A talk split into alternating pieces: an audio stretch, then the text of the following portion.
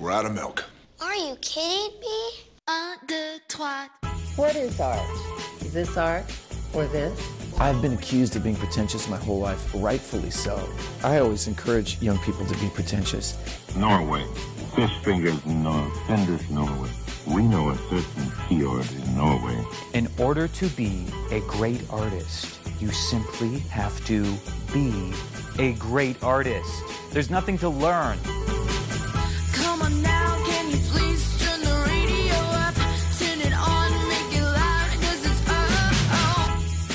Skumma kultur på studentradioen i Bergen.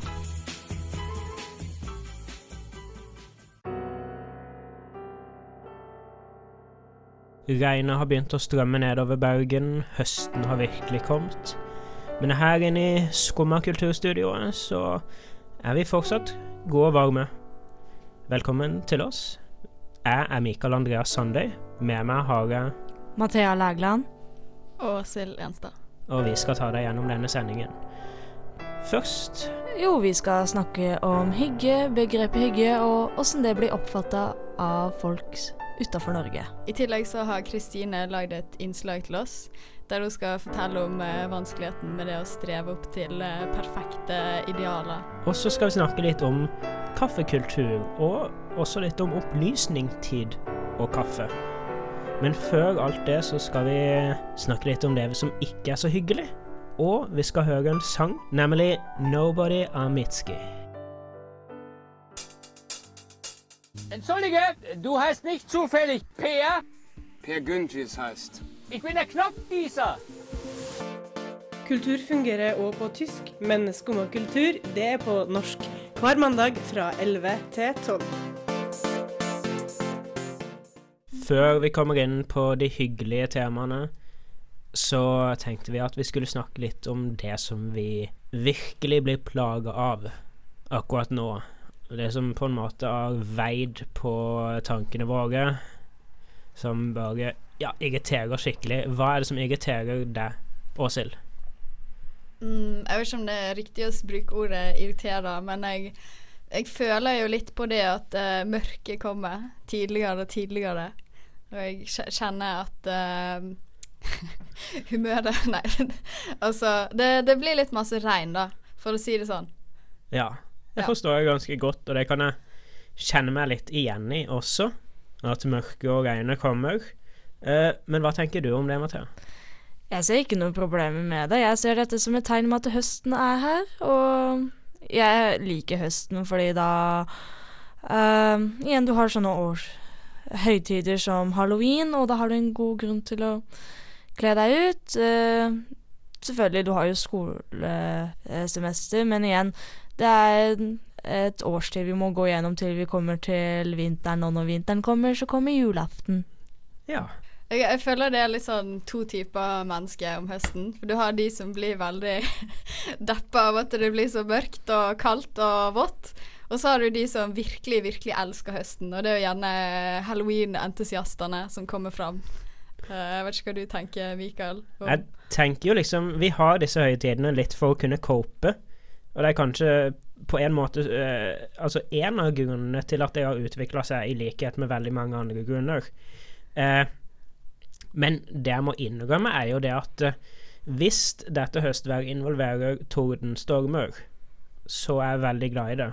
For det er ingenting som jeg syns er så hyggelig, frampek, som det å uh, Ikke si frampek, Mikael.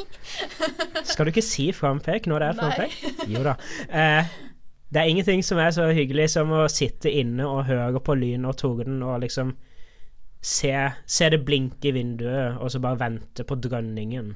Ja, det er litt terapeutisk ved det. Bare liksom Spesielt hvis du er ved vinduet og du bare ser utafor, og du har kanskje noe varmt å drikke med pledd rundt deg, og så bare ser du, og så kommer du i en viss transe og bare avslapper deg. Hva tenker du om eh, lyn og torden nå, Sild? Jeg syns, uh, syns det er litt skummelt, jeg. Men det kommer, det kommer an på. Men jeg husker en gang når det var torden, så, så kom lynet. Og så kom tordenen liksom med en gang rett etterpå, og så rista hele huset. Mm, ja. Så uh, etter det så har det vært litt sånn eh, nervous. Men det gikk jo fint. Jeg overlevde. Ah, for meg er det bare å skape en unnskyldning for å skape en viss stemning, og kanskje en unnskyldning for å liksom slå av TV og PC-en og prøve å finne på noe annet. Ja, jeg har hatt et par sånne scares sjøl, inkludert da eh, min gamle datamaskin blei stekt av lynet. Hæ? Eh, så det som skjedde da, var jo det at eh, det var en tordenstorm i Oslo, og eh, det, akkurat det du beskrev, Åshild, skjedde. Lynet eh, kom, tordene kom med én gang, og så slår datamaskinen seg av, og jeg kjenner bare en lukt av svidd gummi. Oi. Jeg er litt fascinert over at du fremdeles er lyn- og torden-fan etter en sånn opplevelse. Jeg har blitt veldig glad i jordakontakter Ja. og god strømforsyning. Det, det er viktig og riktig. Absolutt. Men så været er jo på en måte en act of God. Det er ikke så veldig mye vi kan styre med det. Men en ting som har irritert meg, eh, virkelig frustrert meg, er jo politikk i Amerika. Ja. Og politikk er jo alltid frustrerende og irriterende, og man skulle nesten ønske man kunne rømme fra det. Altså det, jeg føler man har like god kontroll over politikken som det man har over været. Det, man må Fors- liksom ja, men forskjellen er jo at været er jo et vitenskapelig fenomen, mens politikken er drevet av mennesker. ja. Ja. Men like uh, uforutsigbart. Absolutt. Uh, og det siste som har skjedd nå, er jo at uh, denne dommer Kavanaugh eh, er i en stor sånn høring, eller har vært på en høring, For eh, han har veldig lyst til å bli høyesterettsdommer i USA. Men eh, så er det noen som har anklaget han da for eh, et forsøk på voldtekt. ja, du vet sånn som skjer. Sånn som unggutter gjør, ifølge Carl I. Hagen. Ja. Eh, så, så det er jo på en måte Det er toppen av uhygge. Antihygge. Absolutt. Det, er, det, det beveger seg en kategori forbi antihygge til eh, Avsky. avsky. Absolutt. Men hva tenker dere om eh, på en måte det å f.eks. for eksempel logge seg inn på internett, og så er alle toppsakene bare sånne avskyelige mennesker. Hvordan coper du med det, Mathea? Enkelt. Jeg går heller på YouTube og søker opp noen fine videoer, sånn som kattevideoer fungerer, eller prøve å høre på musikk som er litt uh, oppgitt som Uptown Funk. Ja. Så uh, Fordi det er ikke noe jeg kan gjøre med det som en person. Og det hjelper ikke at jeg leser om det. Selvfølgelig, jeg blir informert, som er viktig, men jeg kan ikke gjøre noe fysisk med dette, for ved tanke på at uh, dette er satt i Amerika, og jeg bor her i Norge. Så Viktig å være informert, men ikke prøve å la det ødelegge dagen din. Og det tror jeg på en måte er et veldig bra tips og en veldig god avslutning på denne saken. Nå skal vi snart snakke om noe heh, enda mer hyggelig. Men før det så skal vi høre Bad Guys Win av Matthew Good. Du hører på Skumma kultur på studentradioen i Bergen.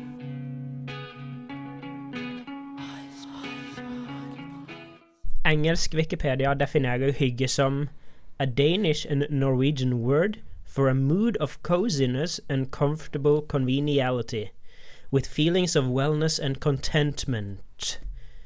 Og akkurat nå så tenkte jeg at vi skulle snakke litt om fenomenet hygge, men fenomenet hygge sånn som det blir observert fra utlandet. For det er en ganske stor interesse for det skandinaviske fenomenet hygge i Eller utlandet. Huga. Eller høge.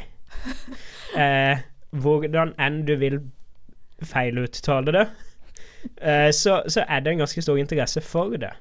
Så jeg tenkte jeg skulle quize dere to litt på hva på en måte hva som er hygge for eh, folk i utlandet, og hva som er hygge for oss. Så jeg har skaffet meg en liste, og jeg skal på en måte begynne ganske enkelt med noe som jeg tror eh, dere kan være enig i. Hygge. Number one. Heat things up. Ja. Eh, heat things up, altså ha det varmt. Ja. Uh, Det, Altså, den kan jeg jo for så vidt. Jeg vil ikke si at det er nødvendig for å ha det varmt, men det er mye vanskeligere kanskje å ha det hyggelig hvis du fryser. ja, altså, det er ikke en kontroversiell mening. Hva tenker du, Mathea?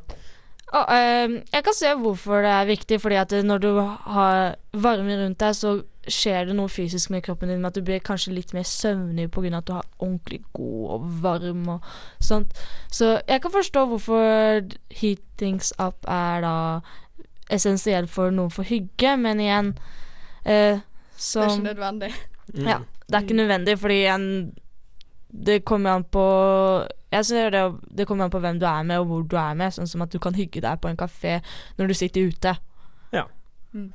Denne listiclen, som det heter, den kommer fra sida mentalfloss.com. Tittelen på listiclen er 'Ten ways to master the Danish art of hygge'. Huga. Hygge in your home. Uh, det er av uh, Danielle Braff. Så vi går til neste punkt på lista, og det er her det begynner å bli litt trøbbel, kanskje. Uh, number two. Bring the outdoors inside. Jeg ser på Mathea at hun er forvirra. Jeg er ikke forvirra, jeg bare syns det er idiotisk, fordi hvorfor vil Hvis jeg vil være ute, så vil jeg være ute. Eh, Men eh, jeg vil ikke ta med meg det som er ute inne. Spesielt hvis jeg syns det er hyggelig med at det regner ute, så har ikke jeg lyst til å ta med regnet inn i stua mi. Det kommer an på hvordan de definerer det, da. For jeg kan egentlig se Fordi altså, hvis du tenker deg sånn alle hytter du har sett, så er det liksom sånn her uh, kult å ha sånn her en gammel rot som du bruker som uh, pynt. Eller sånn her blomster og forskjellig. Ikke sant? Og det som på en måte er litt poenget deres, er på en måte det å ha naturlige materialer, planter og sånne ting. Men så er det jo akkurat det der at eh, Det å tenke at hygge må være natur, det blir på en måte litt sånn Jeg vet ikke om fordomsfullt er det riktige ordet, men eh, det stemmer jo ikke for alle. Jeg vil si at altså, det er jo for, Du kan ikke kalle det Hvis du har et helt hvitt rom med sterkt hvitt lys, så er det definitivt ikke hyggelig plass. Faktisk, det er motbevis for folk som uh, driver studier innenfor farge og følelser. Så husker jeg at jeg var på Emma Hjort, og der har de avslappingsrommet er da det hvite rommet. Mm. Så igjen, hvis Men ville du kalt det hyggelig eller avslappende? Jo. Ja. Det var veldig hyggelig og avslappende. Jeg holdt på nesten å sove der. Ja. Så Ja. i, igjen, det kommer jo an på åssen disse personene reagerer og sånne ting. Vi hopper til Ja. neste punkt på lista. uh, og da har vi punktet Surround yourself with objects that tell a story. What?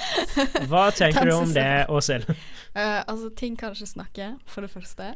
Uh, og synes Jeg er sånn Jeg merker et tema i denne lista her. Alt er veldig materialistisk. Uh, og jeg føler at hygge og Eller det å ha det koselig, da. Det å ha det hyggelig.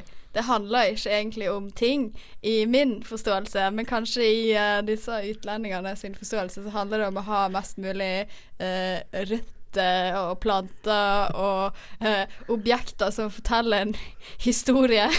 Ok, Den eneste sammenhengen jeg kan komme ut derfra, er at du, du assosierer gamle møbler med besteforeldrene dine, og igjen, du syns det er hyggelig å være med besteforeldrene dine. Derfor må du ha gamle møbler, for da tenker du på dem. Og det er Mm. liksom Ja, Men altså- sånn, ja. Jeg kan jo skjønne at det som et generelt livstips er bra å ha f.eks. gaver eller ting som betyr noe for deg, men du trenger ikke ha en ting for Jeg har veldig problemer med det, altså. Ja, Ja. det det syns jeg er et godt poeng. Og så eh, kan vi avslutte med en rask eh, en, som jeg skal prøve å si riktig. Scrub-a-dub-dub, head to the tub. Hva tenker dere om å hygge seg i badekar?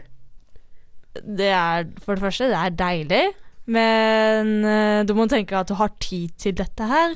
Dette er fra erfaring med at jeg har delt baderom med tre andre personer, og de skal også bruke badet. Så jeg syns det er bare hyggelig å ta en dusj, jeg. Jeg har ikke badekar, så kanskje jeg feiler der som eh, nordmann. Ja, men vi skal snakke litt om hva du har å hygge deg med. Men før vi gjør det, så skal vi høre The Mountain Goats med No Children. Du hører på Skumma kultur på studentradioen i Bergen. Hvis jeg virkelig skal hygge meg, så liker jeg å sette på en skrekkfilm. Som kanskje virker litt paradoksalt, men eh, jeg er en veldig stor skrekkfilmfan, og det å på en måte kunne se det som jeg definerer som god film, mens jeg kanskje har en kopp kaffe eller eh, på en måte bare chiller i senga, det syns jeg er hyggelig som bare det. Og det er litt det vi skal snakke om. Hva syns vi er hyggelig? Så Åshild, hva syns du er virkelig hyggelig? Jeg syns ikke skrekkfilmer er spesielt hyggelige. så der er du nok ganske unik, Mikael. Men det, det er det jeg stort sett forbinder med hygge. Det er eh, to ting. For det første syns jeg det er veldig hyggelig eller koselig å gå på kafé med en uh, venninne og bare drikke kaffe og chille. Um, og det andre jeg forbinder hygge med, det, det er liksom hver gang du er på fest og møter nye mennesker, så tar du dem i hånda og sier du 'hyggelig'. Og det er sånn den eneste gangen du, du gjør det. Sånn der Jeg henger meg sånn opp i det. Sånn der, hvorfor Det er liksom det ene ordet du kan bruke når du hilser på nye folk. Sånn, hyggelig, hyggelig, hyggelig. Det, det får meg jo til å tenke litt på dette her med at eh, jeg syns i utgangspunktet, hvis jeg skal være helt ærlig, at det er ikke hyggelig å hilse på nye folk. Nei. Det er egentlig det. Men du må late som. Vel, du må jo være da hyggelig mot dem. Ja. Og hvis du sier at det er hyggelig, så viser du at uh, av høflighetsstandard at det er hyggelig å møte deg. Det er ikke ukomfortabelt å møte deg. For hvis du har jo sånne folk som faktisk liker å møte fremmedfolk og bli kjent med fremmedfolk. Akkurat. Altså, du har de folka, men jeg vet med meg sjøl at jeg ikke er en av de. For meg så er det å møte et nytt menneske på en måte bare en serie med risikokalkulasjoner. eh, og uvisse faktorer som jeg må manøvrere meg gjennom før det på en måte kan bli virkelig hyggelig. Med mindre det da er et av disse unike menneskene som du på en måte bare finner tonen med med en gang. Ja, du klikker med en gang. Så har vi vennskap og glede Ja. og mange kaffe Ja. stunder. Hva er det du syns er mest hyggelig i livet, Mathea? Um, jeg vil si at det er med at eh, jeg er rundt folk jeg liker, gjerne går familie eller venner, og vi gjør noe sammen, sånn som brettspill, se på film kanskje, middag. Det er mer sånn hvilket selskap jeg er i, men selvfølgelig, jeg kan jo ha det hyggelig aleine. Men jeg foretrekker at jeg er med folk jeg kjenner. Mm. Så det Det var, det var merkelig lite gjenstander i våre beskrivelser av hygge. Det var Ja. ref eh, utlendingene sine obsession med lys og objekter og materialistiske ting. ting som forteller Ja. en historie. Men dette viser bare at det, dette er ikke nordmenn som har skapt fenomenet. Da er det bare folk som prøver å forstå et fenomen de kanskje ikke har en forklarelse på, eller de har ikke et ord for det. Og de gjør det basert på det som er det mest åpenbare og lett gjenkjennelige, som er det materialistiske. For å skape en stemning. Ja. For meg så er det jo en annen ting som er veldig hyggelig, er katter. Og det vet jeg i hvert fall at uh, mange i skumma kultur er enig med. uh, om at katter er en ve veldig hyggelig ting. Og De, de er ikke ting, de er De er dyr. Akkurat. De Levende er levende vesener. Men eh, jeg eh, og eh, hun jeg bor med, vi har vært fosterhjem for mange katter. Og eh, noe av det hyggeligste jeg vet, er å bare ligge i senga, høre på et podkast med en kattunge oppå meg som bare ligger og maler. Veldig bra. Veldig Ja. bra. Bare pass på at katta ikke er gravid. For så vidt. Heldigvis er alle sammen steriliserte når de kommer fra Dyrebeskyttelsen. Så det er også hyggelig. Ja, veldig, veldig bra. Og kom, altså en ting som jeg syns er veldig koselig, hvis jeg er for meg sjøl, da Det er en ting som Jeg har vurdert å ta det opp igjen nå som det begynner å bli mørkt og trist ute, men det er det å eh, sitte og strikke mens du hører på radio. Og så, kanskje, så har du kanskje et lys, da. Det er jo ikke sånn at lys ødelegger for koselighetsfaktoren, men eh, det syns jeg da, da kan jeg virkelig slappe av og senke skuldrene, og samtidig føle at jeg på en måte gjør noe litt produktivt, da. Ja. Og bare, bare for å kontekstualisere det eh, som Åshild nettopp snakka om, et av punktene på den lista eh, som vi ikke tok opp, det var fenomenet om at eh, for å ha det hyggelig, så må du slå av lys. Ja. Og det tror jeg vi alle er helt uenige med. Ja, ved tanke på at du kan ha det hyggelig å lese bok, og du har ikke lyst til å ødelegge synet ditt, så da må du ha godt belysning. Akkurat.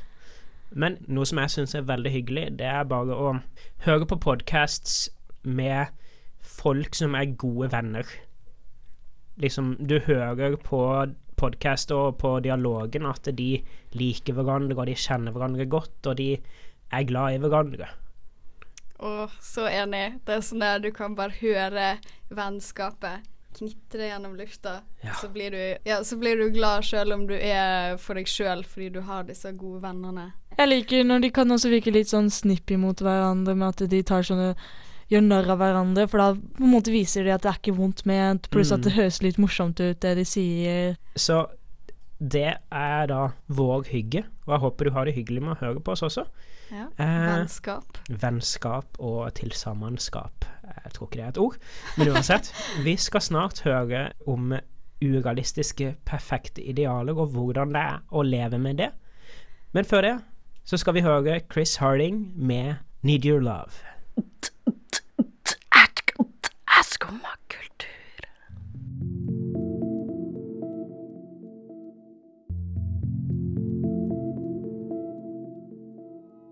Jeg pleide å tenke at det var noe feil med meg. Klandre meg sjøl basert på utseendet i situasjoner hvor jeg følte jeg ikke mestra. Tenke at mennesker ikke ville snakke med meg, ikke ville like meg basert på hvordan jeg så ut. Kanskje spesielt i datingsituasjoner. Han vil ikke se meg igjen fordi jeg så stygg eller at en så fin fyr kan jo ikke være sammen med en som meg. Noen ganger følte jeg en trang til å forandre meg for å tilpasse meg. En periode vurderte jeg å betale over 1000 kroner for VIP extensions, og en annen gang fillers. Jeg begynte å tvile på ting med meg sjøl som jeg ellers aldri hadde tenkt på. Nylig leste jeg Morgenbladets spalte Estetikeren, som omhandla VIP extensions, og hvor vedkommende, vedkommende beskrev VIP-idealet som kamellignende. Det kom også fram at de med høyere utdannelse gjerne går mot det mer naturlige, mens resterende mot det mer voldsom sminke. Men kan dette virkelig stemme? Jeg går på mitt tredje år på høyere utdanning og er stadig i konflikt med hvilken bås jeg skal plassere meg i. Skal jeg være naturlig, ikke barbere meg, eh, og kanskje la underlivshåret gro? Eller skal jeg følge mine tidligere usunne vaner med ukentlig hårfjerningskrem, irritert hud og la meg sjøl ligne på et nakent barn? Jeg sliter med å finne en balanse. Jeg er enten alt eller ingenting, sminke eller usminke. Skal jeg følge Instagram-jentene i skinny jeans, eller skal jeg fortsette med mine løse levis-jeans? Skal jeg bruke Nike Air Max 95, eller skal jeg gå for den mer normaliserte Thea-modellen? Denne tendensen ble kanskje enda tydeligere i tider hvor bloggere og visse reality-serier er det eneste som opptar sendetiden og nyhetsbildet. Til tider føles det dog ut som det aldri forsvinner. Jeg har frivillig begynt å følge med på YouTube-kanalen deres, og følge både ukentlig og daglig med på hverdagen deres. Jeg tenker at jeg er mindre verdt fordi jeg ikke er like tynn som dem, og at det er feil, noe feil med meg, ettersom man kan se en liten skygge mellom magen og trusekanten. Jeg tenker jeg er feit fordi magen min ikke er fullstendig flat, og fordi ribbeina mine ikke er like synlige som deres. Og i det siste så har jeg følt meg så utrolig skuffa når jeg innser at jeg har blitt påvirka. Skuffa over at jeg ser meg sjøl i speilet en ekstra gang, og ekstra trist når jeg tviler på min usminkede versjon. Eller de gangene jeg tenker at jeg ikke vil date før jeg har blitt den perfekte versjonen av meg sjøl. Men hva skal jeg gjøre når samfunnet jeg lever i, favoriserer et ideal som er fullstendig urealistisk, og når tanken på at man aldri vil klare å mestre dette, inntreffer?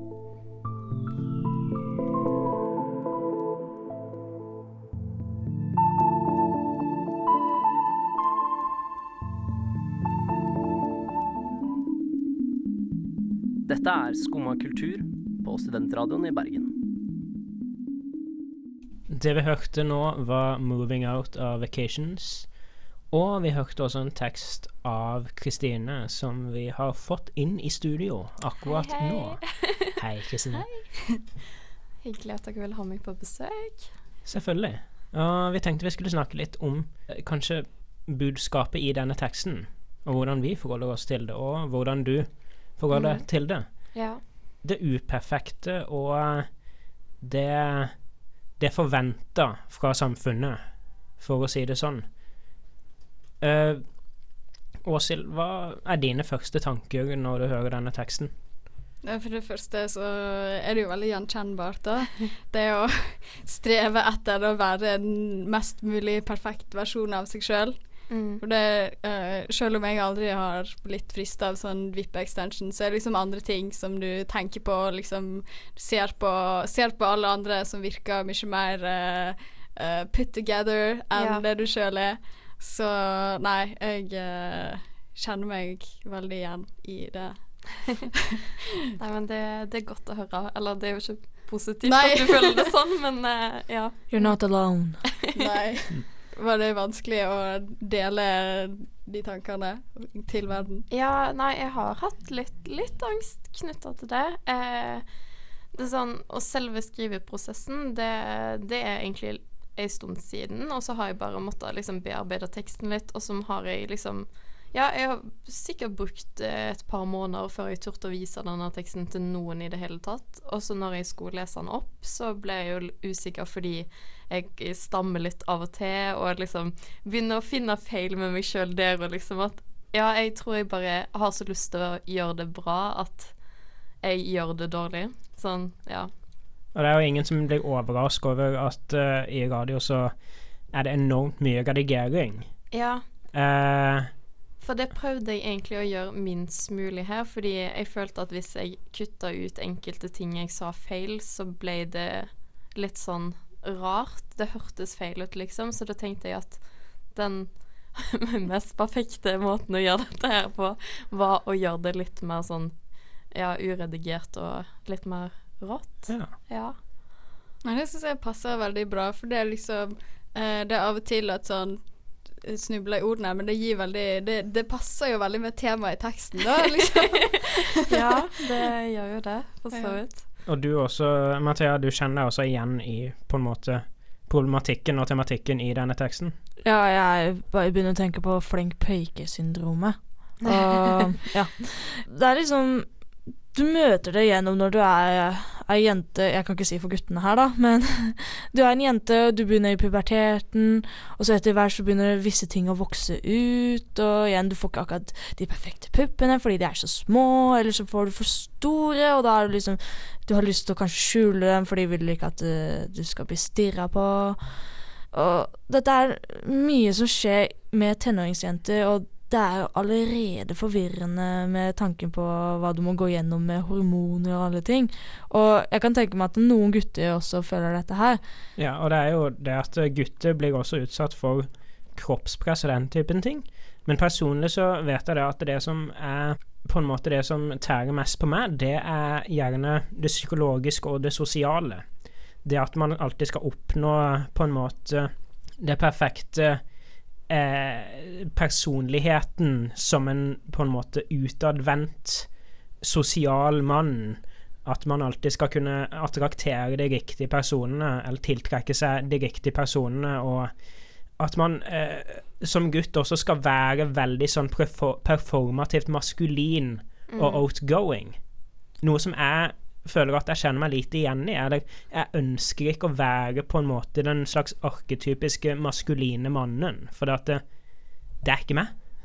Jeg syns det, det er veldig interessant det med at det er så vanskelig å dele en eh, tekst som tar opp eh, sånn type usikkerheter, fordi at eh, altså det å sjøl snakke om å ikke leve opp til disse idealene som samfunnet snakker om, det er veldig skummelt, men hvis du hører andre snakke om det, så tenker du ikke dårlig om folk som snakker om usikkerheter, men det er liksom når det er deg sjøl, så blir det plutselig skummelt.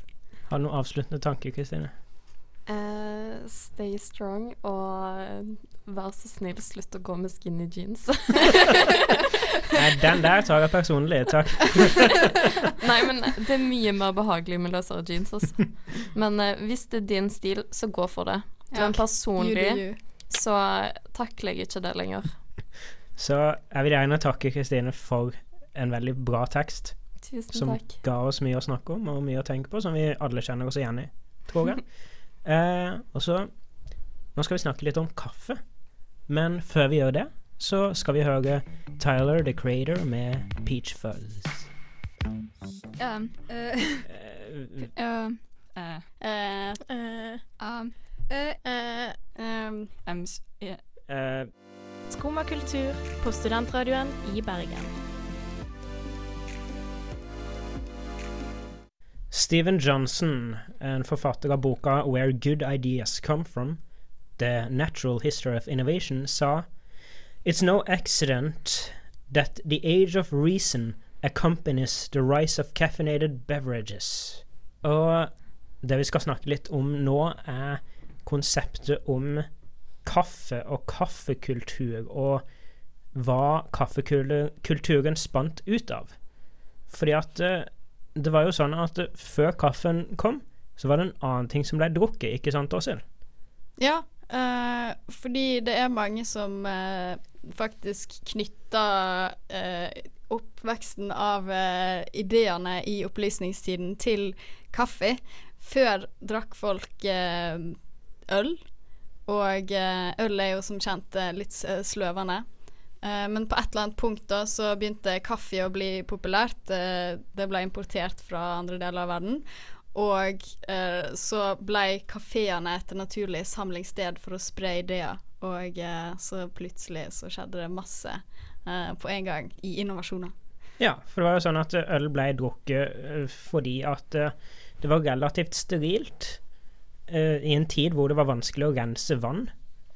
Uh, og det var en kultur for det. Det var I mange land så var det sånn at det var et krav om at eh, en husstand måtte brygge så og så mye øl for sin overherre. Og det å på en måte bryte opp i en ølkultur hvor både barn og voksne drakk øl, og drakk, som man kan lese i en Huffington Post-artikkel, ølsuppe til frokost. Det må jo ha gjort ganske mye med bare folk sin generelle tilstand. Tror ikke du det, Mathea? Ja, som du sa, det var umulig å få drikke vann. Fordi igjen, det var mye bakterier, og igjen, når du kom ut i opplysningstida, så ble det mye vitenskapelig bevist for at eh, du ble absolutt sjuk av å drikke vann. Og da var det faktisk smart å drikke alkohol, for som du sier, det er sterilt og mindre sjanse for at du blir sjuk av det, til de, vi finner seinere ut at eh, det er ikke særlig bra for deg heller, det. Akkurat. Altså, alkoholen fungerte som et slags mellomledd eh, fram til vi begynte å få steril drikke og renseprosesser og sånn, men eh, det å Men det var jo nok spesielt med eh, kaffen, da, fordi at eh, mm, når folk møttes og drakk kaffe Kaffe er jo, som vi alle eh, som studenter har lagt merke til, så kvikner det deg litt opp. Og det er iallfall en eh, naturlig teori, da, eller en eh, sammenheng der man kan tenke seg med at det å drikke noe som er en stimulant istedenfor en eh, eh, depressant eller noe som sløver deg ned, gjør at det kanskje blir lettere å utveksle ideer. Det kan jo være at eh, grunnen til at eh, kafeer ble et slags symbol på eh, utviklingen til opplysningstid, rett og slett var at de samla folk og Akkurat. fikk de til å utveksle ideer og snakke sammen. Og det er en, på en måte en ganske ledende teori. At uh, bare det å på en måte ha fora hvor folk kunne samles, det har vært et viktig aspekt i mange kulturer. Uh, I gamle Hellas så var det viktig å samle folk til på en måte debatter og samtaler og den typen ting. Eh, og så etter hvert, når eh, Romerriket falt, og så videre og så videre inn i tidlig middelalder, så mista du dette hva skal du si, demokratiske aspektet med samlingsstedene. Eh, av at eh, samfunnet begynte å fungere på en mye mer ovenfra-ned-måte. Men så beveger vi oss inn i opplysningstida, hvor plutselig utveksling av vitenskap og ideer, ikke bare blant eliten av eliten, men også blant folket generelt sett, ble viktig. Og for oss studenter i nåtida, så er det også viktig å samles noen ganger over en kaffe eller en annen ting vi liker å drikke på kafé. Og utveksle ideer, og noen ganger bare sosialisere. Så drikk kaffe istedenfor øl, alle sammen. Ja. Jeg tror det er det som er hovedpoenget. Ja, ikke sant. Og da har vi kommet til slutten av sendinga. Jeg håper du har fått litt inspirasjon til å hygge deg. Håper det har vært en hyggelig time full av kos og vennskap. Jeg vet hva jeg skal gjøre etterpå. Hva da? Hygge meg. Ha! Det er en god plan. Og jeg håper du har lært litt om kaffe. Så vi har vært Mikael Andreas Sandøy. Mathea Lægland. Åse Lenstad. Vi må takke Kristine Hausken Skjæransen for en fantastisk tekst. Og vi må også takke vår produsent Lone Gunnerud. Vi er å høre hver mandag klokka 11. Og da gjenstår det bare å si Ha det bra!